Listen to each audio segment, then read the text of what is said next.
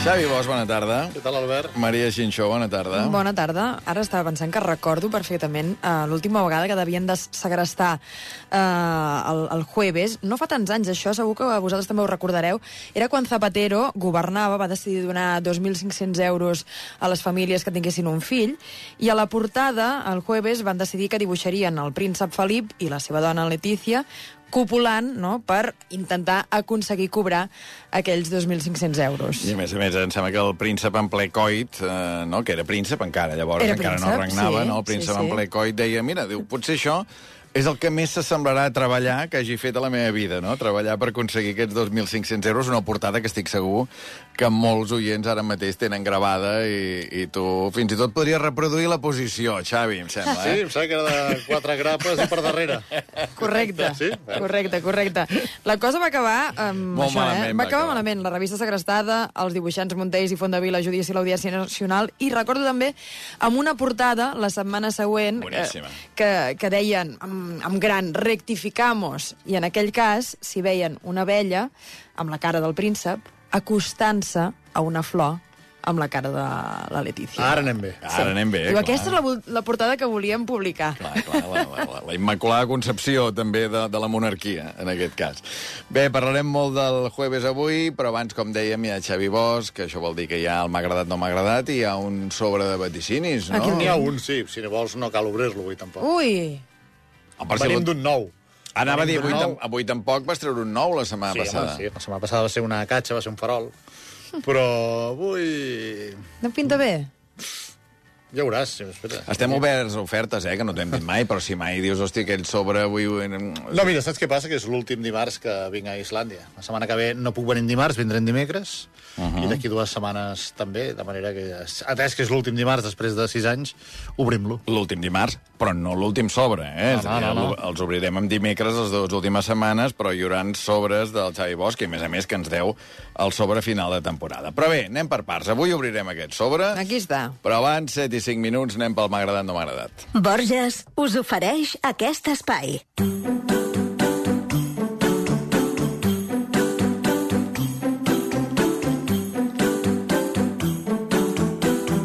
M'ha agradat. No m'ha agradat. M'ha agradat que la policia hagi detingut el conductor d'un cotxe que almenys 10 vegades, 10 durant el mes de juny, feia exactament el mateix ritual als túnels de Vallvidrera. A tres quarts de set del matí, cada dia passava pel peatge dels túnels sense pagar. Com s'ho feia? Fàcil, acostava tant el morro, el seu morro del cotxe, al cul del cotxe del davant, que passava encastat i, per tant, no pagava. Després, però, feia una cosa molt més perillosa. Amb el carril del mig tancat, que és reversible, es posava a avançar cotxes per aquest carril prohibit. Una temeritat absoluta. Bé, eh, com que tot queda filmat, a la desena vegada el van esperar en arribar de Barcelona i el van detenir. Suposo que ja l'han deixat anar perquè el cotxe esportiu groc ja torna a fer de les seves. No s'entén com TV3, que són d'aquelles imatges impactants que tant els agraden d'ensenyar, encara no n'ha fet notícia per conscienciar del perill d'aquest sonat al volant. No m'ha agradat veure els últims minuts de Barça TV després de 24 anys sent la meva tele de referència per motius professionals, però sobretot per pur plaer. Però més enllà de planya, no, poder veure més els partits del futbol formatiu i els 50 gols de falta de Messi en bucle i el record de míster del Menotti, la sensació d'una televisió que passa d'emetre el negre més absolut en un instant i el negre queda a la pantalla no hi ha paraules per descriure-ho. És que no hi ha ni carta d'ajuste, és un abisme, és una caiguda al buit, és la mort, és una cosa impactant. A casa, de fet, ens hem estat 3 o 4 minuts més mirant la pantalla engegada, negra, esperant si hi passava res. I no. De tant en tant, encara avui, he passat pel canal 14, que és una casa teníem Barça TV, i ara ja no està negre, ara hi fan pel·lícules, pel·lícules en blanc i negre, clàssics, en castellà, d'una tele que es diu Verdi Clàssics.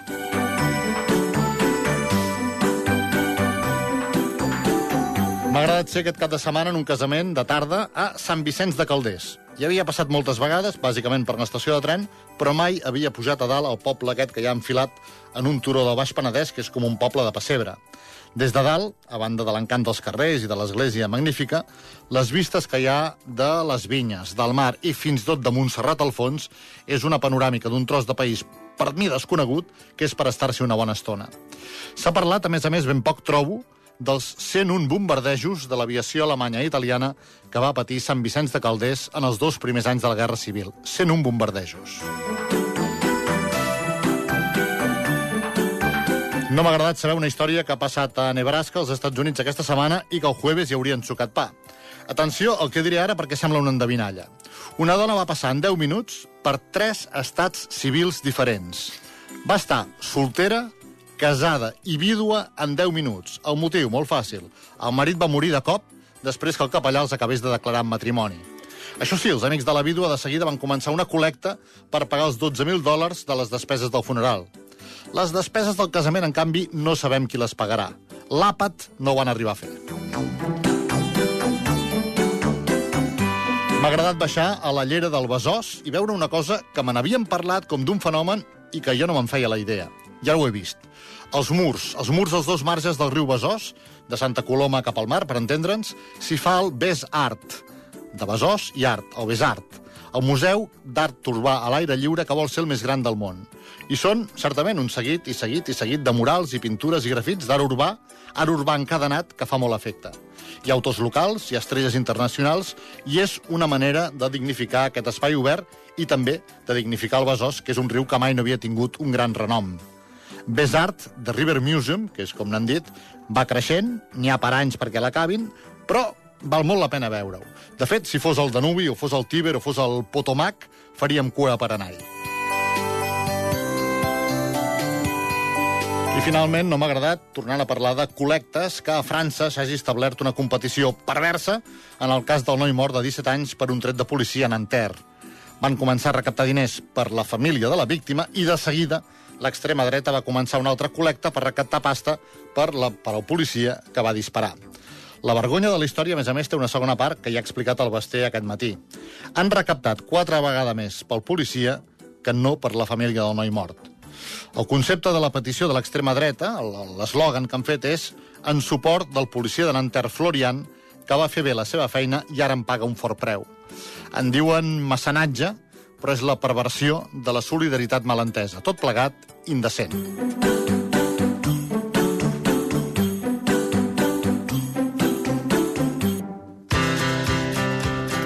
A veure, Xavi, això que uh, Barça TV, casa teva, fos el canal 14, El Johan? anava a dir, no és fruit de la casualitat. Bueno, hauríem posat l'1 perquè és el que més veia. Però l'1 és Televisió Espanyola, el 2 és la 2, el TV3 és la 3, el 4 és el 33, el 5 és Telecinco, el 6 és la Sexta, el 7 és... Eh, no recordo quin, el 8 és 8 TV... Però no va caure allà perquè caigués allà. No la vam anar a buscar el 14. I a la cuina el 14 i a l'habitació el 14. Boníssim, boníssim, boníssim, això, eh? Hosti. Déu-n'hi-do, Canal 14, Barça TV, Barça TV, que, que es va acabar, aquest negre absolut que I dius. fan pel·lícules. No sé què és Verdi Clàssics, però avui n'he vist una del Burlancaster, que estava molt bé. No, no, no. O sigui, tu continues allà, al 14. Bé, si ara passat. fan per si de cas. si tornen a sortir els gols de falta de Messi, Però ja existia abans a, a Verdi Clàssics. Sí. segurament. Sí sí, sí, El que fan és ocupar aquest espai que ha quedat uh, buit. Però vaja, que deixem saludar el José Luis Martín. José Luis, bona tarda. Hola, molt bona tarda. A tu t'ha interessat aquesta història d'aquesta dona que es va quedar Sí, sol... pobra, és que a més ho he vist, eh? soltera, casada i vídua en 10 minuts, eh? Sí, sí, i a més a més tot el menjar de, de la celebració a les escombraries, és, un desastre. Un desastre absolut. Ah, quina desgràcia, eh, pobra senyora. Tot i que tot i que els anglosaxons tenen aquest costum de menjar en Els els, funerals, també. funerals. Vull Sí. dir, si es podia pot- guardar una miqueta, La, potser... la croqueta potser va aguantar pel potser funeral. encara... Si feien el funeral una mica... Una mica aviat, Encara potser es va, poder, es va poder aguantar. Et passa això, José Luis Martín, que clar, tu ara eh, fas la tira diària de La Vanguardia, no?, de- d'humor gràfic, que qualsevol cosa que escoltes eh, ja ho estàs traduint automàticament a veure si això té tira o no té tira? Clar, però això és de formació professional, no? Sempre estem una mica amb l'antena posada per veure de què s'ha de fer el tema i després ve el, el problema, que és trobar-li el, el dibuix a l'acudit, diguem-ne, no? Clar, clar, eh, el de demà ja el tens fet. El de demà està entregat, sí. Està entregat i fet. A quina hora, a quina hora ho, ho... Vaig entregar ahir, perquè com que avui estava de gira, vaig pensar... No, perquè, home, a Opinió Vanguardia pateixen molts i comences a endarrerir-te i tal, i m'estimo... Com que jo procuro no fer actualitat puntual, puntual, puntual... Home, però fas molta política, no? Sí, però que em duri uns dies, Sí. diguem-ne, eh? Vull dir, perquè jo estic mig jubilat, per entendre'ns, i aleshores vaig dir que volia fer una fer-ho de manera que, que m'ocupés però que no em preocupés, diguem-ne, no? I estic... O sigui, el de demà és de Yolanda Díaz, que va dir una bajanada, i jo crec que això aguanta 4 o 5 dies, que en l'actualitat ja és molt, eh? Ja és molt, eh? Si, si les vaig... Perquè, clar, es van succeint i Sí, es van sí, rellevant sí. No, una de amb bajanades l'altra. no te'n faltaran. No, per això. I en campanya electoral encara menys. Bueno, sí, el que passa que és esgotador perquè mm, mm, portem molta campanya, eh? De fet, la campanya no ha començat encara. O sigui, Clar, que clar, és- comença aquest divendres, les eleccions són el, el 23... Ah, sí, mira. Sant Fermín, sí. Val a l'hora. anar, deixaran anar els brou. Els brous. Els bous, a veure, sí, sí. Bé, eh, de seguida anem amb el jueves, però abans tenim el sobre de vaticinis del Xavi Bosch per obrir a dos minuts per un quart de vuit. Vaticinis per obrir dimarts 4 de juliol. El sobre el va tancar el Xavi Bosch dimarts de la setmana passada a dos quarts de 12 del migdia. L'obrim, a dins hi ha 8 vaticinis, dos dels quals el Xavi haurà triat que valguin dos punts, si els encertés tots, que pel que ha dit abans sembla que no serà el cas. Eh, no, no sé Ens si aniríem estem, al 10, no però sé si estem parlant fins i tot de suspens, ja ho veurem. Comencem. Anem pels vaticins esportius. Primer, val un punt. El nou entrenador del PSG és Luis Enrique. Oficialment, no encara. Per tant, és un vaticini precipitat. Està prenent decisions, aquest fitxatge sí, aquest no, però encara no ho és. 0 de 1. 0 de 1. Segon vaticini, val un punt, també. Samuel Umtiti ja no és jugador del Barça. 1 de juliol se li va donar la carta de llibertat, per tant, au revoir, Samuel. I tu Com en t'estrenes. tutapel. jo m'estreno, sí. 1 de 2. Un de dos, tercer vaticini, val dos punts. Gonzalo Pérez de Vargas, capità del Barça d'handbol, ja no és jugador del Barça. Per sort encara ho és. Torna a ser un vaticini precipitat i potser, potser, potser, potser encara al final el salvarem. 1 de 4. I quart i últim vaticini esportiu, ja no pot guanyar Wimbledon, Paula Badosa. Paula Badosa debutava avui a les 12. El partit s'ha endarrerit a les 3 per pluja. Continuava plovent, la seva pista era oberta, no era tancada com la pista central. Finalment s'ha anat cap a casa seva a Wimbledon sense jugar el partit, per tant encara no ha debutat. Per tant, És un vaticini passat per aigua. Sí. passa per aigua, sí, sí. Pot, pot guanyar Wimbledon encara, sí, sí, encara pot guanyar.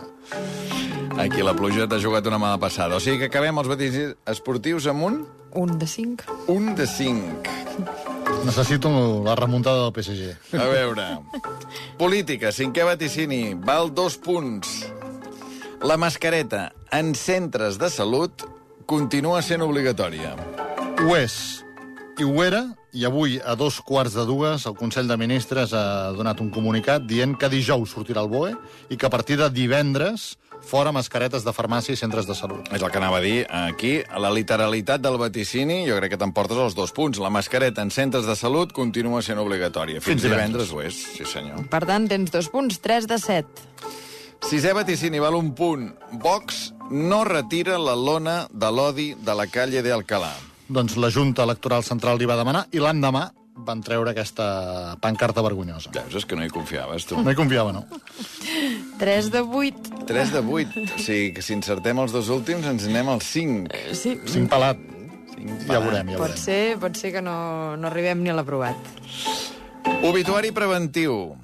Val un punt. Portada, no només a l'Ola, un adeu a la cançó espanyola. Doncs dimarts a la nit, a última hora, amb 15 discos de copla i tonadilla, va morir Carmen Sevilla. Oh, sí, senyor. És veritat. Sí, sí, és així. Després va ser famosa per ser eh, actriu i tal, però Sí, sí, ella va sí. ser actriu perquè abans era cantant. I va continuar sent cantant. Portada, no només a l'Ola, eh? No, a tot arreu, a tot a tot arreu. arreu, clar, clar. Doncs mira, 4 de 9 i Ai, ja ho tenim aquí fet, podries això. haver posat dos punts amb aquest, que és Bueno, home, boníssim. també és lleig. Vuitè i últim vaticini, Joan Carles de Borbó continua sent rei emèrit. I avui sí que el vividor em salva de, de l'aprovat. Tens un 5 de 10, no sé si és remuntada a nivell PSG, però en tot cas és més remuntada que la de Ciutadans. Allà en vam fer sis. Això és veritat. Ara està bé, Maria. Ens veiem dimecres de la setmana que ve, dia 12, Per tant, el sobre que deixes avui eh, hauran passat 8 dies fins que no l'obrim.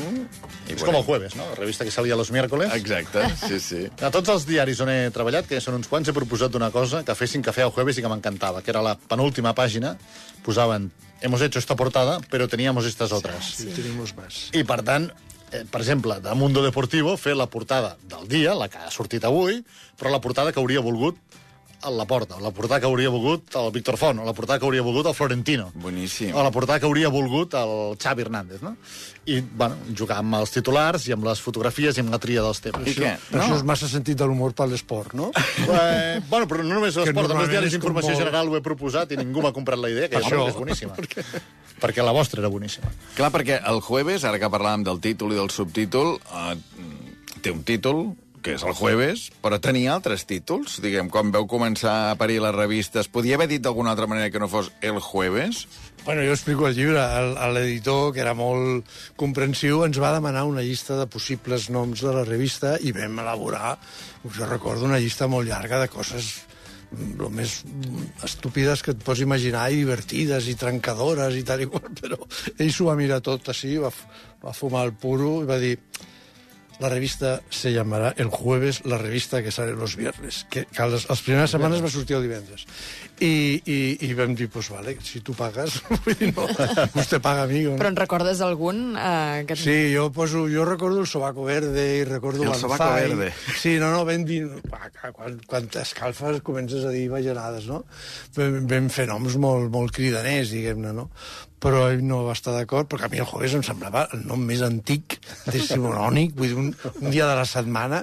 El que passa que també explico, bueno, al final Coca-Cola no té cap sentit i no els hi ha anat malament, diguem-ne, no? No del tot, no Vull dir, però si tu penses, penses o Coca-Cola. repeteixes Coca-Cola, Coca-Cola, Coca-Cola, ho dius cinc vegades i penses que No, és que a més a més fins i tot és difícil de dir Sí. Coca-Cola, no? Perquè Clar. et menges alguna síl·laba, Co- Coca-Cola, no? Total, que si tu tens un nom però funciona molt de temps, al final la gent ho fa seu i no hi ha més.